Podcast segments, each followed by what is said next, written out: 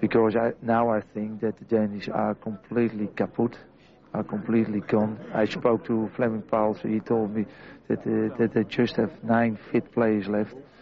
And then, uh, yeah, it's a shame they can't make a, a, real game of it, I think, against uh, Germany. So my expectations are that uh, Germany will win easily the game, uh, the final. And that's one of the reasons why I think it's a shame also for football that we can play that final because my opinion is that we are one of the teams that can beat Germany.